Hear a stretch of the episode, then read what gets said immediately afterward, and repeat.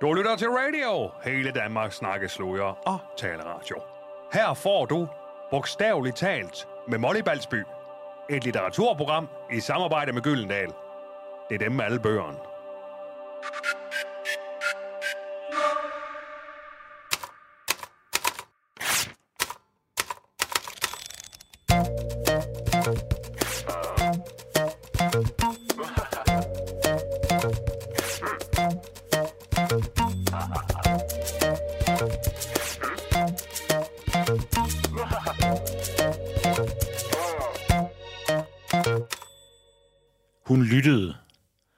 Til Toves værelse stod på klem, og når den otteårige pige om aftenen lå i sin seng med tilbageholdt åndedræt, kunne hun høre lydene fra sin storesøsters værelse på den anden side af gangen.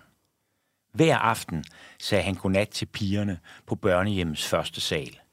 Plejefar, som pigerne skulle kalde Solgårdens forstander, plejede at komme ind på begge søstrenes værelser, når de var gået i seng, for at lade sine hænder glide op under deres natkjoler.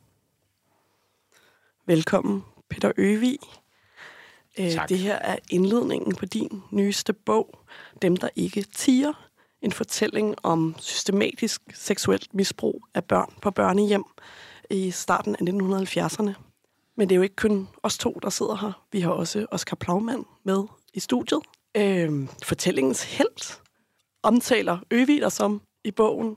Grunden til, at Peter Øvig omtaler dig som en held, det var fordi, at du er uddannet psykolog øh, og blev i 1970 ansat som inspektør i børneforsorgen, øh, hvor du tilså forholdene på omkring 100 børnehjem herunder Godhavn.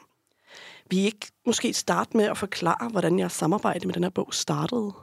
Jo, altså for mig starter det jo med, at en, en god ven, øh, Hans Horst, i nogle år begynder at tale mere og mere åbent om, at han har været udsat for seksuelle overgreb på et børnehjem, der hedder det Kongelige Opfostringshus oppe ved Helsingør. Og det er nogle forfærdelige historier, han fortæller. Øh, og han, kan også, han siger ligesom, jeg kan også skaffe dig flere kilder, andre, der har oplevet det samme. Øh, og så synes jeg, du skal skrive en bog om de her overgreb på danske børnehjem. Og det prøver jeg faktisk at undgå at komme til at skrive den her bog øh, i nogle år. Øh, fordi jeg synes, det er så mørkt. Det er en meget, meget sort historie. Det er det værste, jeg nogensinde har, har været i nærheden af, og det værste, jeg nogensinde har skrevet om. Så det siger jeg til Hans, altså det er simpelthen, det kan jeg ikke. Det er for, der mangler noget lys et eller andet sted, noget håb, noget kærlighed. Øh, og så siger han, jamen der er en held. Der er en held, og det er den største held i, i, i børnenes historie siden Peter Sabro, som var en stor held for over 100 år siden. Øh, og ham tager vi ud til, og så inviterede Hans mig ud til Oscar, der faktisk bor ikke så langt fra, hvor jeg bor.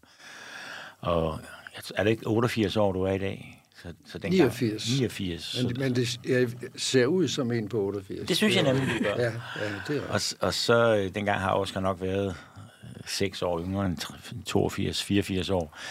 Øhm, og så mødte jeg Oscar der, og, og det kunne jeg jo godt mærke, da han fortalte sin historie, og da Hans fortalte om Oscar, at øh, her havde jeg faktisk en helt. Og, og, og det, var, det var grunden til, at jeg overhovedet turde kaste mig ud i at, at skrive den her bog. Det var, at der var en person, som faktisk havde forsøgt at hjælpe børnene midt i det her, den her meget, meget sorte historie. Oscar, vil du ikke øh, fortælle lidt om, hvordan dit arbejde foregik i praksis? Øh, jo, men først skal jeg måske lige fortælle, hvordan systemet var bygget op. Det lå hovedkvarter... Det, dengang var børneforsorgen centraliseret, og der var cirka de 350 institutioner. Og, øh, og der var en, en direktør, øh, og så var der... Øh, han havde så fire inspektører, og en var mere inspektør end de andre. Han øh, var nærmest rådgiver, fordi øh, Horsten, direktøren, styrede også daginstitutionsområdet, og det dækkede Paul Perk, som var den inspektør, det dækkede han. Så vi var tre, der skulle dele de der 300, godt 300 institutioner. Og der blev jeg så ansat. Man skulle være både lærer og psykolog, fordi der var skoler på nogle af institutioner. Og jeg fik så en, øh, en, en tredjedel af de døgninstitutioner, hvor alle de 50, cirka 50 skolehjem var. og så 50 børnehjem oveni. Og dem skulle jeg så besøge to gange om året. Det var selvfølgelig helt umuligt, men, men sådan, sådan var planerne. Og den eneste instruktion, jeg fik, i dag er det mærkeligt, men vi er 50 år tilbage, øh, at jeg fik et cirkulære, og der stod, at inspektøren skulle sikre, at børnene trives fysisk og psykisk. Og, og der var ikke nogen, der snakkede med mig ud over det. Der var så en af kollegerne, der sagde, du kan da lige komme med mig og se, hvordan jeg gør. Og så var vi ude og se et par børnehjem, og det foregik sådan, at han lige hilste på forstanderen, drak en kop kaffe, og så løb de igennem institutionen og så, om der var noget, der var gået i stykker eller noget, og måske kom der en dreng, eller pige løven, og, og så øh, spurgte inspektøren, Nå, hvordan har du det så her? Jeg har det godt, sagde han, og løb videre. Øh, og så var det det. Så spiste vi en frokost, og så tog vi hjem igen. Og så skulle jeg lave min egen... Øh, og så tog jeg, for at finde ud af, hvad der egentlig foregik, så tog jeg over og boede et par uger over på et skolehjem i Jylland, for at se indenfra, hvad, hvordan er dagligdagen her. Og så begyndte jeg, så havde jeg lavet min egen plan, for der var ikke nogen, der spurgte, hvordan jeg havde tænkt mig at gøre det, og sådan noget mærkeligt. I dag ville man jo sidde og diskutere de ting. Det gjorde man ikke, man var sin egen. og så til det, du spurgte om. Øh, sådan, det foregik faktisk på samme måde stort set altid.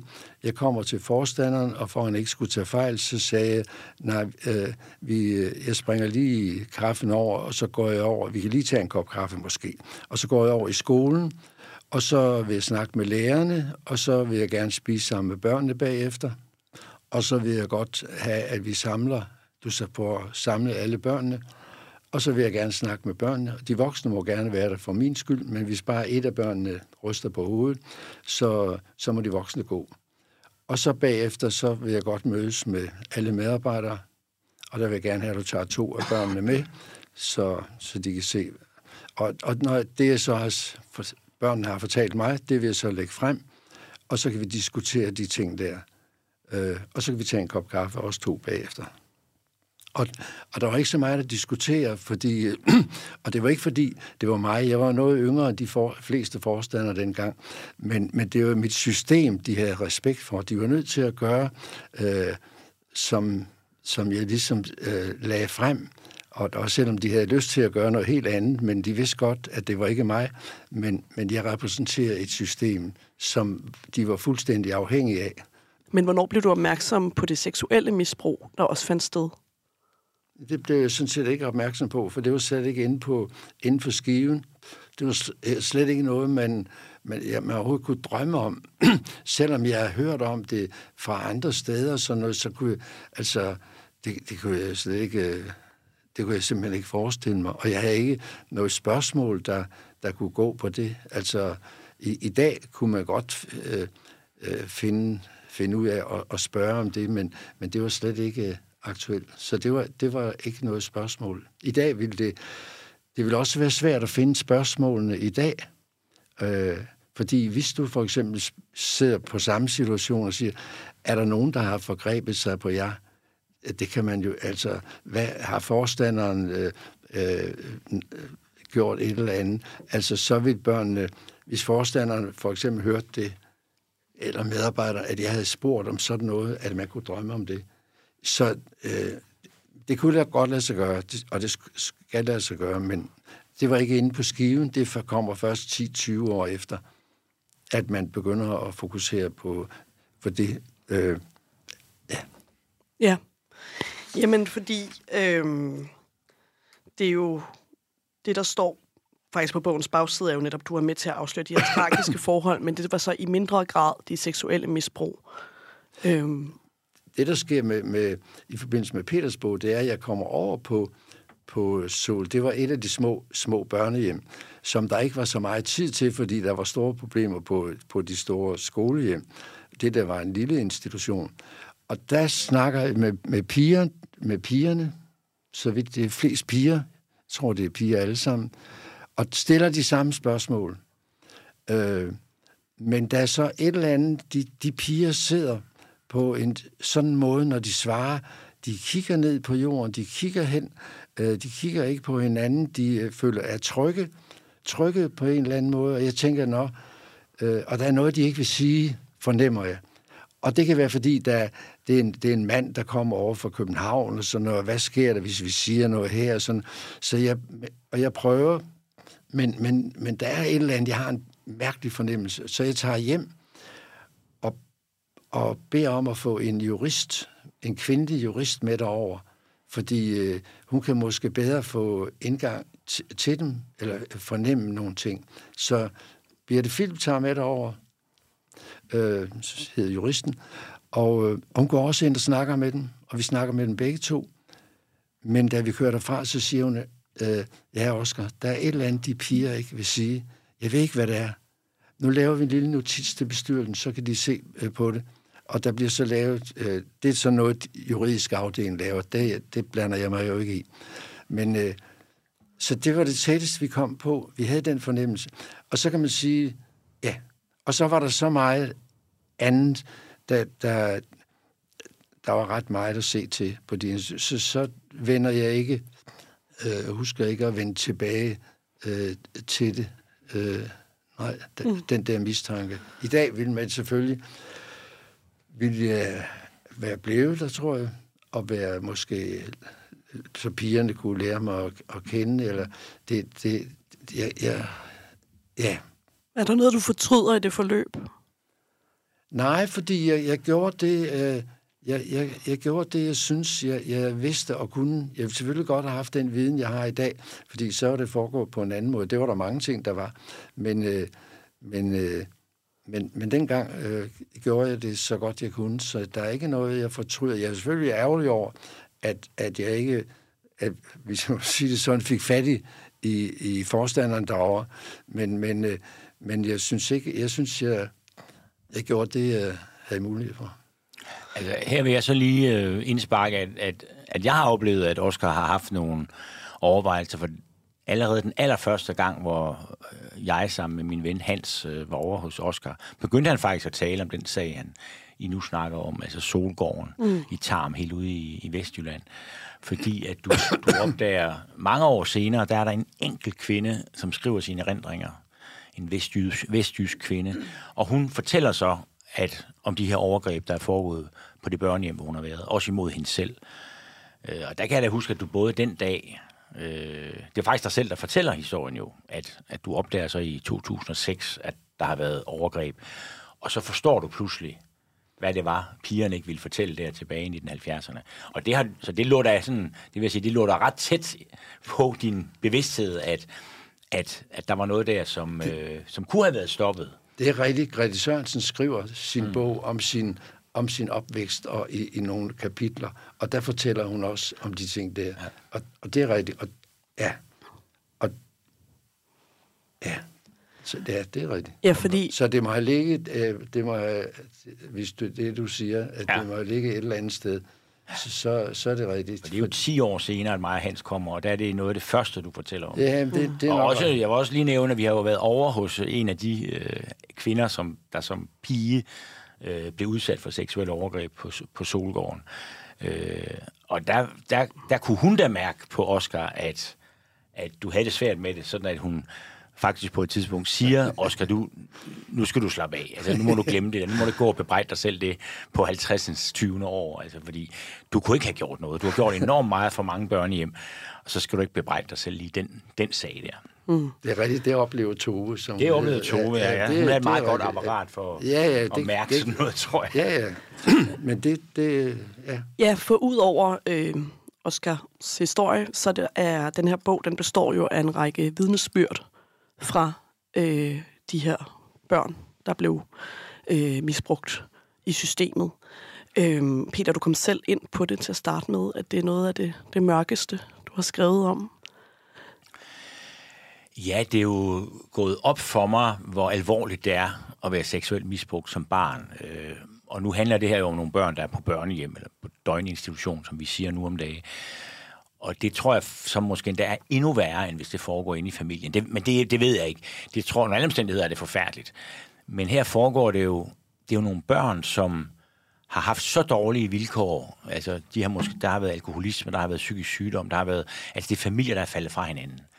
Det har været en enlig mor ofte, som, som har ikke kunnet tage sig af sine børn. Og det vil sige, at der er gået lang tid, hvor de har levet uden omsorg og uden kærlighed og under nogle gange meget forfærdelige forhold. I forvejen så siger staten så ligesom, det kan vi ikke have det her. vi tager det børn, og nu skal det have det bedre. Vi anbringer det på det her børnehjem, og så skal det have noget ordentlig omsorg. Og så starter de seksuelle misbrug, og jo nogle gange også andre former for overgreb. Det, som, som Oscar især har beskæftiget sig med, er jo fysiske overgreb, eller ydmygelser, eller at reglerne, og de, de få rettigheder, børnene trods alt har, at de ikke bliver overholdt. Øh, de seksuelle overgreb er totalt tabuiseret. Så det er jo nok ofte ikke engang noget, børnene øh, kan, kan sætte ord på, hvad det er, der foregår. Det er i hvert fald sådan, de beskriver det. Og, øh, og, og seksuelle overgreb går meget langt ind i ens øh, personlighed. Øh, og overgrebsmanden, det kan også være en kvinde, øh, i, min, i de her tilfælde er det, er det altid en mand, der er overgrebsmanden, øh, siger jo også til de her børn, at det skal være hemmeligt, og, øh, og at han indgår en eller anden, han manipulerer, han indgår en eller anden form for alliance. Han får barnet til at føle, at, at det er noget, de er sammen om, at barnet er medskyldig. Og det vil sige, at det er næsten umuligt øh, at komme til at fortælle, altså for barnet at komme til at fortælle om det. Det er blevet manipuleret til at tro, at så falder verden sammen, hvis det taler højt om det her.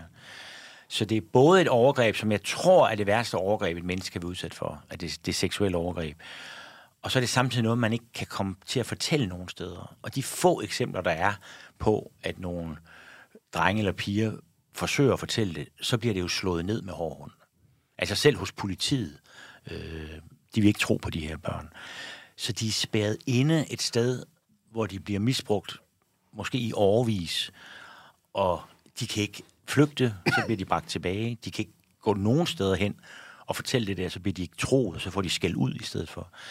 Og det synes jeg er så klaustrofobisk. Altså det er en klaustrofobi rundt om det værste, et barn kan blive udsat for. Så, så jeg kan simpelthen ikke...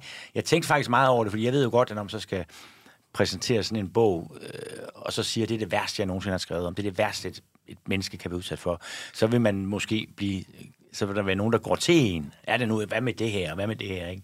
Jeg har skrevet om torturbødler, jeg har skrevet om terrorister, jeg har skrevet om drab. Der er ikke noget af det, der er så slemt. Altså det har jeg virkelig overvejet meget grund. Der er ikke noget, og det, og det siger jeg, fordi jeg har siddet sammen med de mennesker. Jeg kan mærke, hvor meget det har ødelagt dem. Hvordan har det påvirket dig i skriveprocessen? Jamen altså det er selvfølgelig, øh, altså det er selvfølgelig ubehageligt at høre de her historier, og nogle af de historier er jo så ubehagelige, så jeg har kunnet mærke på mig selv, og det synes jeg også er vigtigt, at, at være selvkritisk, fordi at nogle af de der historier, dem har jeg jo sådan umiddelbart tænkt, det kan simpelthen ikke være rigtigt. Altså, Hans, min ven, fortalte om, at socialrådgiveren på hans børnehjem bedøvede børnene og voldtog dem. At drengene, ikke? Det var drenge på det, på det hjem. Det er sådan lidt, ej, det kan ikke være rigtigt. Altså, en socialrådgiver, der ligner sådan en venstreorienteret pædagog, når man ser et foto af ham, kan ikke bedøve børn og voldtage dem. Altså, men det gjorde han altså. Og nu har jeg jo ligesom hørt en del mænd fortælle om det. Så, så vi har også en modstand mod at høre det, som jeg mærkede hos mig selv. Og det er jo en, det er vigtigt at overvinde i de her sager. Altså, vi, vi må lytte til de her børn, ikke? Ja, for det var også en tid, hvor man ikke stolede på børn på samme måde, som man gør i dag. Det er helt tydeligt, at, at børn var ligesom en, en lavere øh, menneskerace. Øh, og jeg kan godt lige huske en snært af det fra min egen barndom. Altså, nogle sætninger, man ikke hører i dag, som du skal tige stille, når de voksne taler. Altså, i dag er det næsten omvendt, ikke? Øh, og det er et kæmpe fremskridt, vil jeg skynde mig at sige. Og når det så ovenikøbet var det her meget tabuiseret, altså sex var tabuiseret, seksuelle overgreb var næsten totalt tabuiseret. Der var ingen i 60'erne og 70'erne, der ligesom talte om, at det var noget, der foregik. Ja, og jeg kan kun give, give dig ret, Peter. Jeg har også mødt nogen af, af, af de øh, øh, nu voksne, der, der har været udsat for de ting der. Og det, altså, man, det, jeg vil ikke sige, det er skræmmende, men, men det, det, det gør meget, meget ondt at se, hvad, hvad det har betydet for deres liv. Altså, det, det er virkelig, altså, det, det, det, har, ja, det har virkelig været omkostningsfyldt. Og det, det, det er jo sjovt, nu finder, nu er, dykker Peter ned i to af de formentlig to af, af de største sager, men efter at Godhavnsdrengene, øh, Paul Erik og Arne der, kæmper og vinder deres undskyldning, øh, der er det så begyndt at pible op, sådan at det er et, et meget stort antal, der har været udsat for, for de ting øh, nu, nu tør man så ligesom komme frem med, og der binder Peter ligesom en sløjfe ved at og, og samle det og sige, sådan er, og, og altså, og find, finder de to indtil nu mest barskeste Ja. Som, men, men det er rigtig almindelige, vi almindelige mennesker kan ikke gøre os ikke begribelige for, hvad det, hvad det har betydet for dem, der har været udsat for det. Altså, det, det er chokerende, at nogle af dem stadig kan holde sig, øh, kan holde det gående. Det, du refererer til, er Mette Frederiksens undskyldning til Godhavnsdrengene i 2019. Hvad tror I, den undskyldning betød? I var begge to til stede. Nej, det var nu kun Oscar, der var til stede. Nå, jeg, beskriver du det ikke i bogen? Eller så besøger I det øh, Mette Frederiksen har samlet, jeg er til stede, da, fordi Oscar inviterer mig med, jeg er til stede, da de samles et par år senere, mm. for ligesom at genbesøge den her undskyldning. Altså Mette Frederiksen har jo, det er jo, det er jo hendes hjertesag. Øh, det er jo de her børnehjemsbørn, og jeg har meget respekt for den måde, hun har, har behandlet den sag. Hun var den første, der sagde, at de skal have en undskyldning. Det lovede hun allerede, inden hun blev, blev statsminister, og hun holdt det. Hun gjorde det meget hurtigt efter. Øh, og, og, så, men, og det har betyd, haft en kæmpe betydning for de mennesker. Jeg tror, det er jo at det handler i hvert fald især om, at der er en statsminister, som på befolkningens vegne siger, vi hører, hvad I fortæller. Vi tror på, at det her er sket. Vi anerkender, at I har været udsat for de her overgreb. Og det gør hun, når, da hun giver den undskyldning. Ja, for der sker jo det på Marienborg, at man ser grænvoksne øh, mænd og kvinder altså bryde sammen og, og græde, altså som, som, øh, som små børn gør. Og, og umiddelbart så tænker man, hvad at, at hvad er det, der sker her? Men når man så tænker tilbage på, at, at øh, nu tænker jeg på så en specielt, men det minder om de andre også, at han bliver fjernet hjemme fra sine forældre som 10-årig. Han forstår ikke, hvorfor han bliver fjernet men der må være noget i vejen med ham, tror han. Så hans selvtillid og hans selvtilværd bliver pillet ud af ham. Så kommer han ud i et system, hvor han får et nummer. Han hedder ikke sit rigtige navn mere. Måske får han et andet navn, fordi der er nogen, der hedder det samme. Så man prøver, og endda så offentligt siger nogen af de forstandere, at herude, der bryder vi først personligheden ned, inden vi bygger dem op igen. Så den lille fyr, der kommer ud der, får efterhånden at vide, at han ikke er noget, og derfor, når han så kommer, bliver voksen og kommer ud, han tør ikke fortælle til nogen som helst, at han har været på børnehjem. Og så... Øh, og det går han med og føler, at han er ikke så god som alle andre. Hverken selvværd eller, eller selvtillid. Og så... Og det, den bærer han på, den smerte. Og så kommer der pludselig landets øh, højst øh, valgte, øh, demokratisk valgte person og siger, vi har gjort noget forkert ved jer. Det var ikke jeres skyld.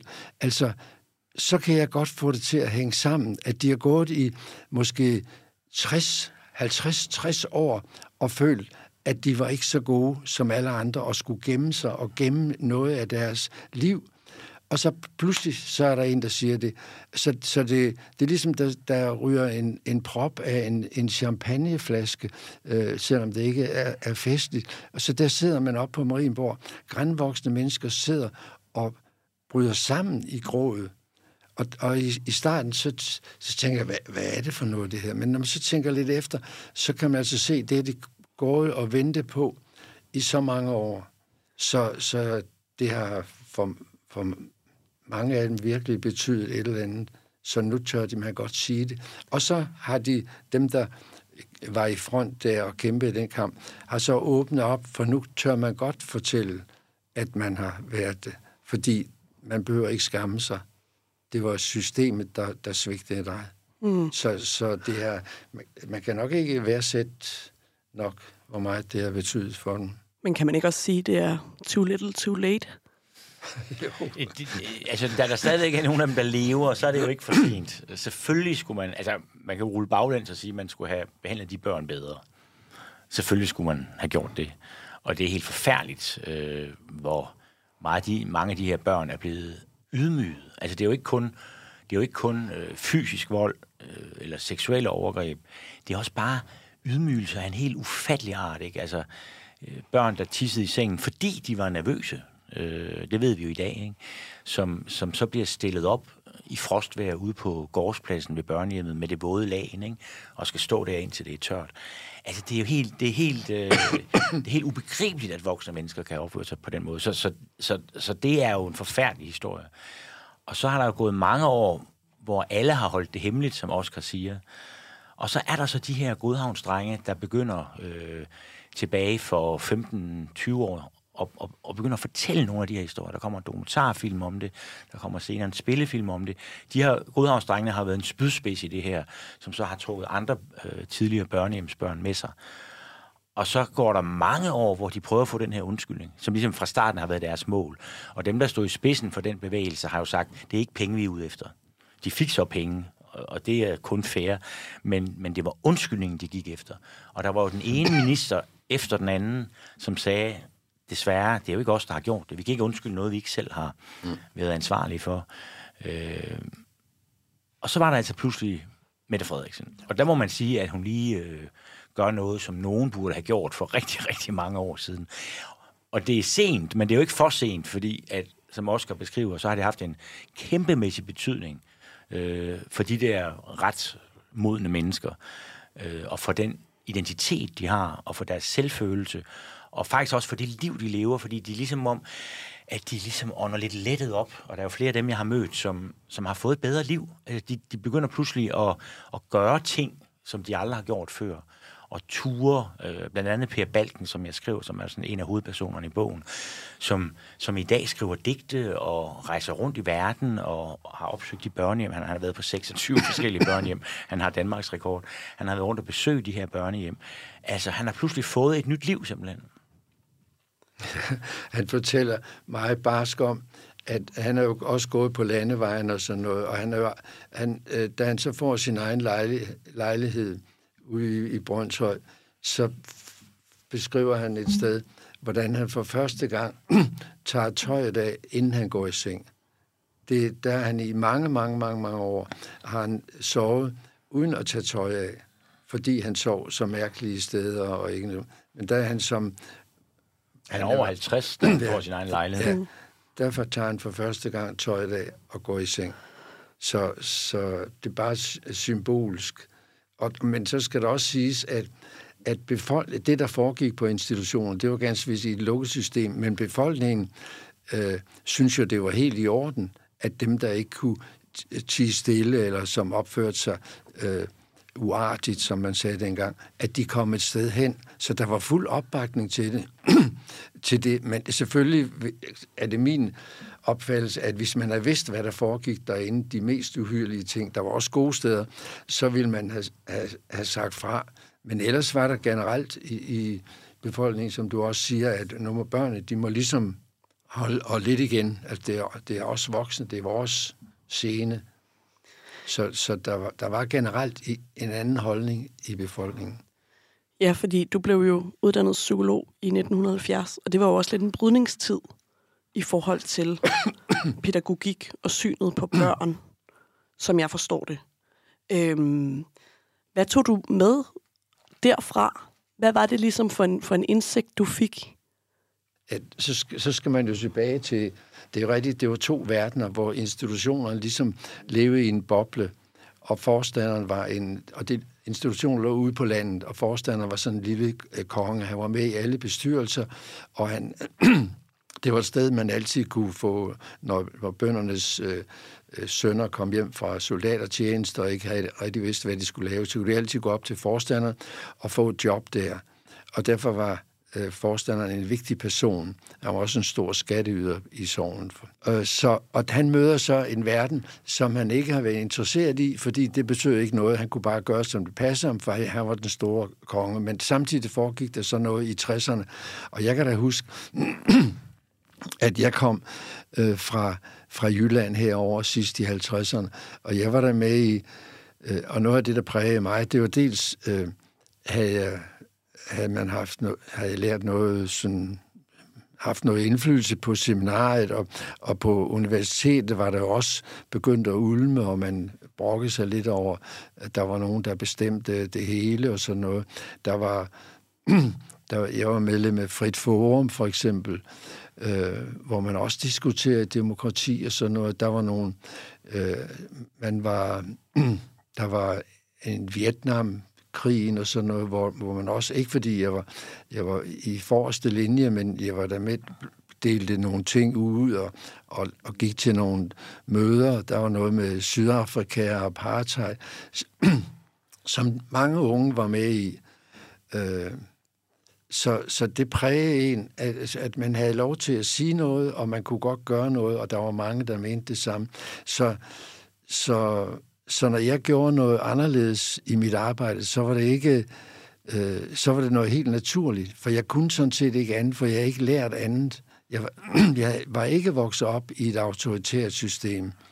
Øh, jeg var vokset op i et demokratisk system, så derfor var det meget naturligt for mig, at, at man også, og den, på den skole, hvor jeg var, på, for øvrigt hernede ved Købyen, Hønslæsgade skole, der, der snakkede man med børnene, og de stod ikke på række, de gik bare stille og roligt ind.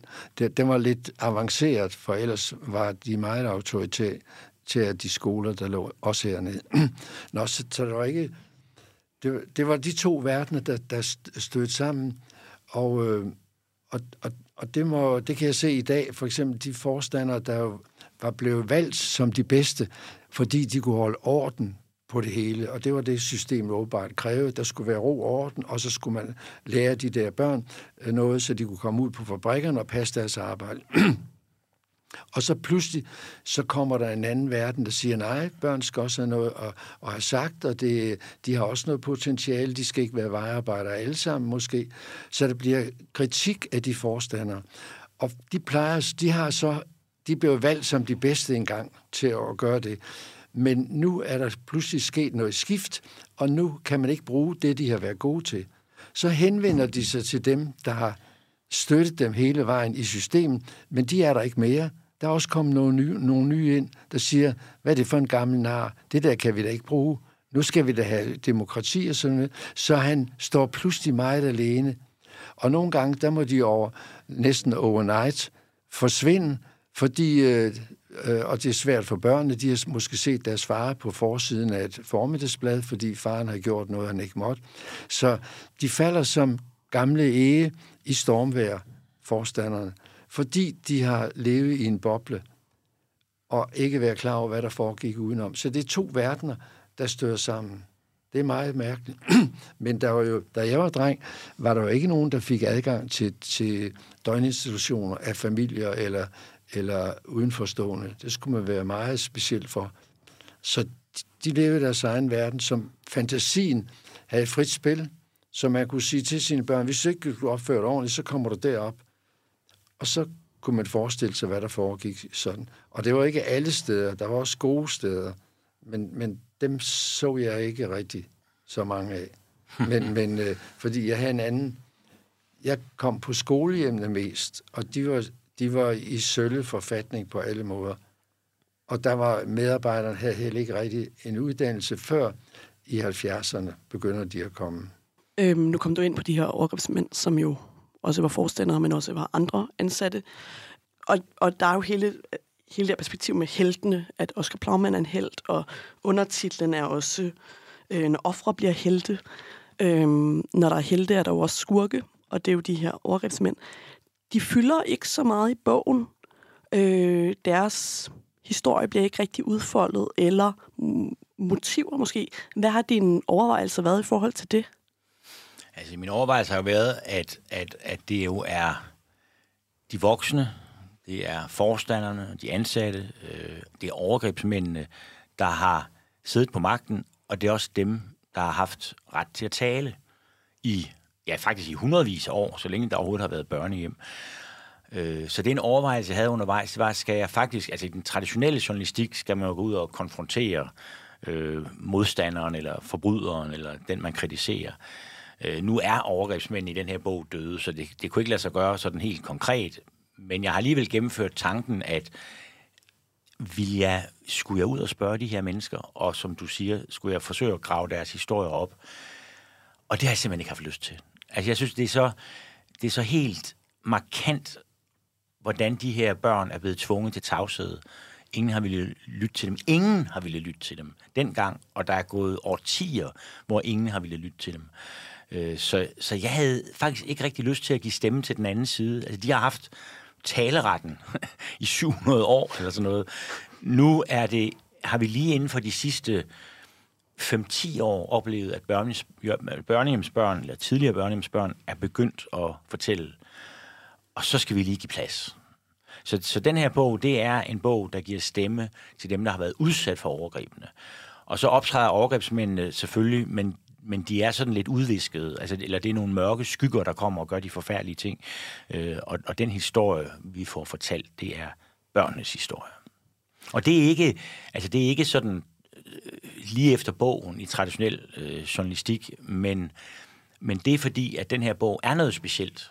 Det er, det er nogle mennesker, der har en helt særlig sårbarhed.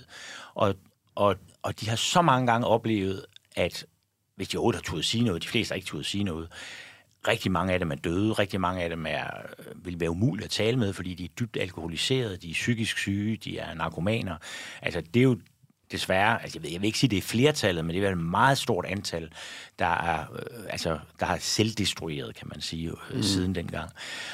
Så, så dem, der er tilbage, som faktisk øh, tør fortælle noget, de skal have lov til ikke at høre, jeg vil lige sige på alt det lort, de, de skal have lov til at tale her, uden at de der stemmer, som de har måttet høre, siden de var børn, som siger, det er bare noget, du har fundet på. Det er bare fantasi. Den forstander er en pæn mand. Jeg kender ham. Du skal ikke komme her og sige den slags om ham. Det er sådan noget, som selv politifolk har sagt til de her børn, når de har forsøgt at anmelde øh, de her seksuelle overgreb. Så det har jeg ligesom, det har jeg bare tænkt, det, der er ikke noget af det i den her bog. Altså, øh, selvfølgelig får de lov til at fortælle, hvordan man har lukket munden på dem, eller forsøgt på det. Øh, men, men de andre skal ikke komme ind og sige, at, øh, at det her passer ikke. Og jeg har fået nogle enkelte breve efter bogen udkommet, hvor der ligesom er nogen, der siger, det, det passer ikke det her. Og jeg har ikke engang fortalt det til, til mine kilder, vel? Altså, det, nu skal de lige have lov til de få modige af dem, der tør fortælle om de her seksuelle overgreb, som de har været så skamfulde over, at de aldrig har fortalt det, de skal lige have lov til at være alene på scenen. Mm. Ja. Et af de mest øh, hjerteknusende citater i den her bog, øh, synes jeg, er øh, Per Balken, der, som du omtalte før, som et sted citerer du ham for at sige noget i stil med, hvis jeg ikke var blevet bollet i røven, havde jeg måske ville have vores i dag. Ja. Og det, øh, hele hans historie er jo bare så forfærdelig. Ja. Du, du skriver også, at han nok har Danmarks rekord i anbringelser. Ja. Øhm, også øh, til allersidst vil jeg jo gerne bede dig om at læse et af hans digte, men, men det er vi ikke nået til endnu. Øhm, jeg har lige et andet spørgsmål i forhold til dit sprogbrug, eller hvordan du går til de her overgreb. Fordi når du beskriver overgrebene, de seksuelle overgreb på piger, så er det ofte noget med, at der lister sig hænder op under natkjole, hvor at overgrebene, der er blevet begået over for, for drengebørnene, de er, de er ret voldsomme, eller der hører man om blodet og øh, sekreter, og, og det var bare noget, der, der slog mig, var sådan, har du måske selv haft en, en anden form for måske berøringsangst over for overgreb mod pigebørn? Det tror jeg er en forskel, øh, der ligger hos den, der fortæller. Øh, fordi jeg har haft det sådan, at jeg med den her bog, altså ellers så vil man jo som dokumentarisk forfatter forsøge at få, og det har jeg, altså det har jeg, jeg har skrevet en bog om dokumentarisme, hvor jeg skriver om, hvor vigtigt det er at få detaljen med, fordi det er i detaljen, at man forstår hvad der faktisk er foregået. For eksempel, hvordan man slår mennesker ihjel. Hvis man bare siger, at en person bliver slået ihjel, så er det meget mindre, øh, så rører det mindre ved læseren, end hvis man får at vide i, det, i nogle detaljer om, hvordan det er foregået. Men der kan man sige, det har jeg sådan set, det, det princip, som jeg ellers har fulgt i alle mine bøger, har jeg lidt forladt i den her bog. I hvert fald forstået på den måde, at jeg har ikke gået efter de detaljer. Altså, jeg har ikke spurgt ind til det. Jeg har ladt folk fortælle, Øh, og jeg, ligesom jeg har gjort med alle mine andre bøger, sagt til dem, at de kan når som helst træde ud af det her. De kan lige frem til bogen gå i trykken, kan de trække sig tilbage. Ikke? Og de kan også lade være med overhovedet at fortælle om det konkrete overgreb. Det har jeg sagt til dem alle sammen, inden jeg interviewer dem, at de behøver ikke fortælle om det. Øh, og det er fordi, jeg ved, at det kan være ret traumatiserende for nogen at skulle ned i de detaljer. Og det ved jeg også fra mine tidligere bøger. Der har jeg nok retraumatiseret nogle mennesker på den måde. Så, så de har meget fået lov til at gå så langt, som de helt frivilligt og uden at blive ledt hen tættere på overgrebet har ville fortælle. Og der er det rigtigt, når jeg har ikke tænkt på det, men når du nu siger det, så, så tror jeg, der er nogle af drengene op fra det kongelige opfostringshus, som måske har talt lidt mere med hinanden, Øh, og de er ligesom fundet ud af, når det var den måde, det foregik på. At det er jo lidt svært at tale om noget, der er foregået, mens man har været bedøvet. Ikke? Så der hører man mere om, hvordan de bagefter har det. Det er der, blodet kommer ind. Øh, så jeg tror, de har måske haft mod til at gå lidt mere i detaljen, fordi at de har haft et fællesskab, der har varet nogle år omkring de her overgreb, hvor pigerne over fra Solgården i Tarm, der har kun været en af dem, måske to, der har fortalt om det her de sidste 30 år. Og de er først ved at få et fællesskab nu. Altså det kan jeg jo se, de har lavet en Facebook-gruppe, og de øh, mødes nogle af dem, de skriver til mig om, at nu der kommet flere med. Så, så det er et fællesskab, der er ved at dannes. Jeg vil tro, hvis man skulle skrive igen om, om overgrebet på Solgården om fem år, så vil man formentlig kunne skrive mere detaljeret om det, fordi at de har fået mod til at, at tale om det. Det er jo altså også piger, kvinder, der er vokset op i meget strenge missionske kredse, i, øh, i Vestjylland, hvor sex overhovedet ikke er noget, man taler om, og stadigvæk er noget, i hvert fald i den generation, man ikke taler om. Hvor drengene fra det kongelige opfostringshus er jo øh, københavnerdrenge, som formentlig har haft et, en anden tilgang til at tale om den slags ting, øh, og som har haft et grovere sprog, kan man også sige. Så, så, så jeg tror, det, det, det du taler om, det jeg tror jeg handler om øh, dem, der fortæller, øh, hvor meget de er i stand til at sætte eller har lyst til at, at sætte ord på overgrebene. Jeg, jeg vil også godt øh, støtte Peter, jeg, øh, fordi øh, jeg vil have skrevet det på samme måde, hvis, øh, hvis jeg skulle have skrevet den bog. For det er også min opfattelse, at det er, der er den forskel, at det er stort set hver aften, at, at han kommer ind i solgården, og, og så voldtager han dem jo ikke hver aften, men han, han, han skal røre ved nogen, hver aften, og det gælder mange. Men jeg har indtryk af, at socialrådgiveren, det var en mindre gruppe, han havde fat i. Men forstanderen her, han, han voldtager også nogle enkelte piger, men han, han rører ved mange. Så, så der er den, den forskel, tror jeg. Ja, fordi nu talte vi om, at øh, overgrebsmændene ikke fylder så meget i historien. Øh, men er der nogle fællestræk mellem dem? Nu hvor du har siddet og arbejdet så dybtegående med det, det er fordi, man jo også kan tænke, at i dag er, er pædofili jo en, en psykisk diagnose. Mm. Øhm, men er det her pædofili, eller er det, er det magtanvendelse? Man siger jo også, hvad er det Oscar Wilde har sagt, at alting handler om sex, udover sex. Sex handler om magt. Og særligt i overgreb kan man jo også tale om, at det handler om magt det er svært endeligt at sige. Jeg tror, at der er sådan en, en, en fælles mængde mellem... Altså, jeg, jeg fatter ikke, at nogen vil have sex, eller vil begå voldtægt mod små piger. Så, så det er helt ubegribeligt for mig, men, men, men det er der så nogen, der har den. Øh, I dag er det en psykiatrisk diagnose, øh, pædofili. Og så er der en overlapning til, at her er nogle mænd, der lever i, den, i altså 60'erne og 70'ernes øh, Danmark er jo totalt mandsdomineret stadigvæk. Kvindebevægelsen starter først i 1970, altså den moderne kvindebevægelse i hvert fald. Øh, Øh, og det tager jo lang tid om. Altså, vi er stadigvæk i gang med at, at, at sørge for en eller anden form for lighed mellem kønnene. Men på det her tidspunkt, der er det så markant, at især de her små samfund, som Tarm eller øh, i Helsingør, at der er det mænd, der har magten på alle felter der kommer ikke, altså Oscar er også en mand, altså der kommer ikke nogen øh, på de børnehjem og har magt og indflydelse, som ikke er mænd. Og de steder, hvor børnene, eller nogle, af de, nogle gange er det også nogle af de unge ansatte, der prøver at henvende sig til nogle myndigheder med det problem, at der foregår seksuelle overgreb. Og det er også mænd. Og jeg kan jo se i alle de sager, hvor der har været forsøg på at råbe nogen op, der er det jo mænd. Og det virker som om, at der har været et, altså en form for mandefællesskab, som jeg ikke tror har været sådan bevidst vi skjuler, at, at vores ven her, han begår seksuelle overgreb, men som bare har været, at de her mænd, som har været lidt oppe i årene, de har dækket over hinanden på den måde, at de har simpelthen ikke troet på børnene. Og hvis de har haft en mistanke om, kan det virkelig være rigtigt, så har de sørget for at fortrænge det hos sig selv. Ikke? Og så har de holdt fast i, at deres ven her øh, kunne der aldrig finde på at foretage sig øh, den slags ting. Og hvad var det, du spurgte om? Det var pædofili.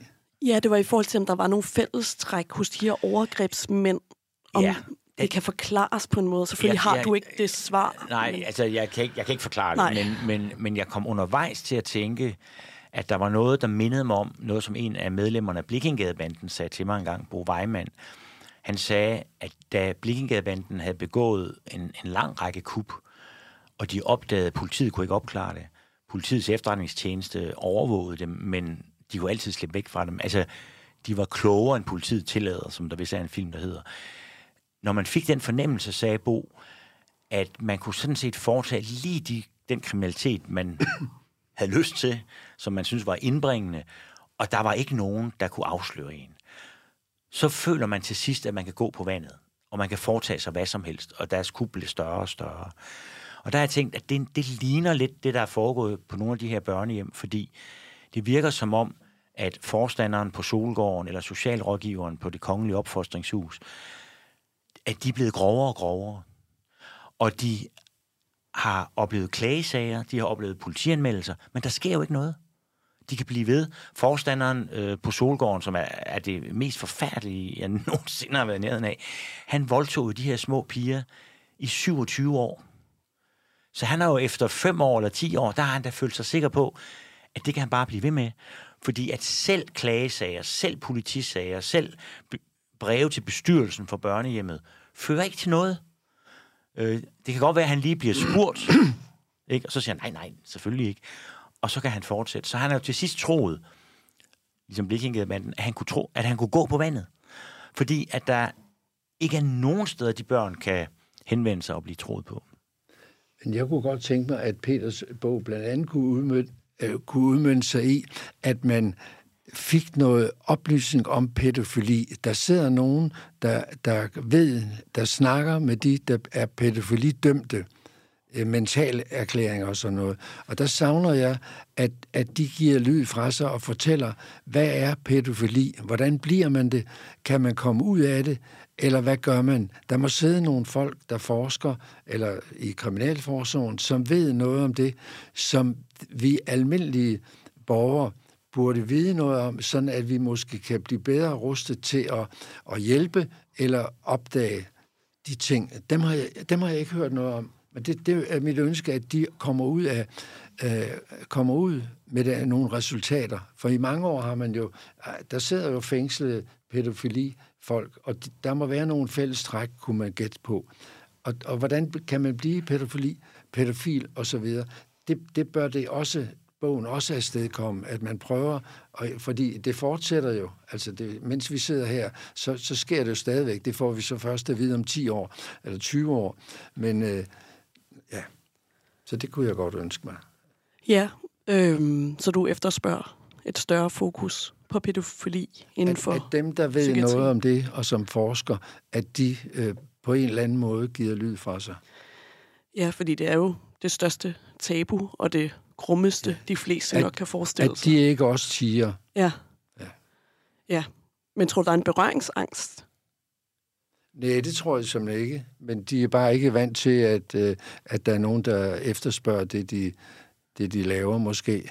Men altså, det er også vigtigt, at de ikke siger, Vi skal til at runde af. Øhm, som jeg før nævnte, vil jeg jo gerne have, at du, Peter Øvig, øh, læser Per Balkens digt, som afslutter bogen. Øhm, og så vil jeg gerne sige tak til jer begge to for jeres tid og jeres arbejde. Tak, Peter Øvi og Oscar Plagmand. Jamen, jeg skal måske lige, mens jeg slår op her på den sidste side, fortælle, at, at jeg sendte jo... Øh, altså, Per Balken har været meget involveret i arbejdet med bogen, og han, han både slutter og starter bogen. Øh, og så sendte jeg hele manuskriptet til ham på et tidspunkt. Og han læste det, og samme dag skrev han et digt, som lige er en, en, hans opsummering af, af den her bog. Og det sendte han til mig, og så spurgte jeg ham, om, om ikke det øh, skulle slutte bogen. Og det lyder sådan her. I fortielsernes tegn kan intet gro, så fornægtelser kan ligge i fred og ro. Først når den enkelte lader trygheden fare, kan der opstå forandring. Sådan er det bare. Så til en og alle, en selv især, drop fortielser, brug mindet som svær.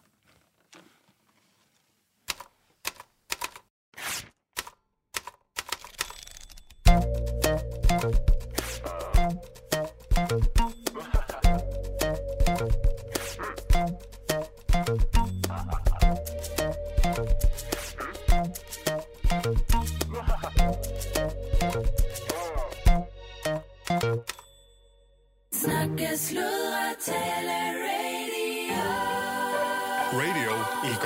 radio. Radio i kulhøjde med dig.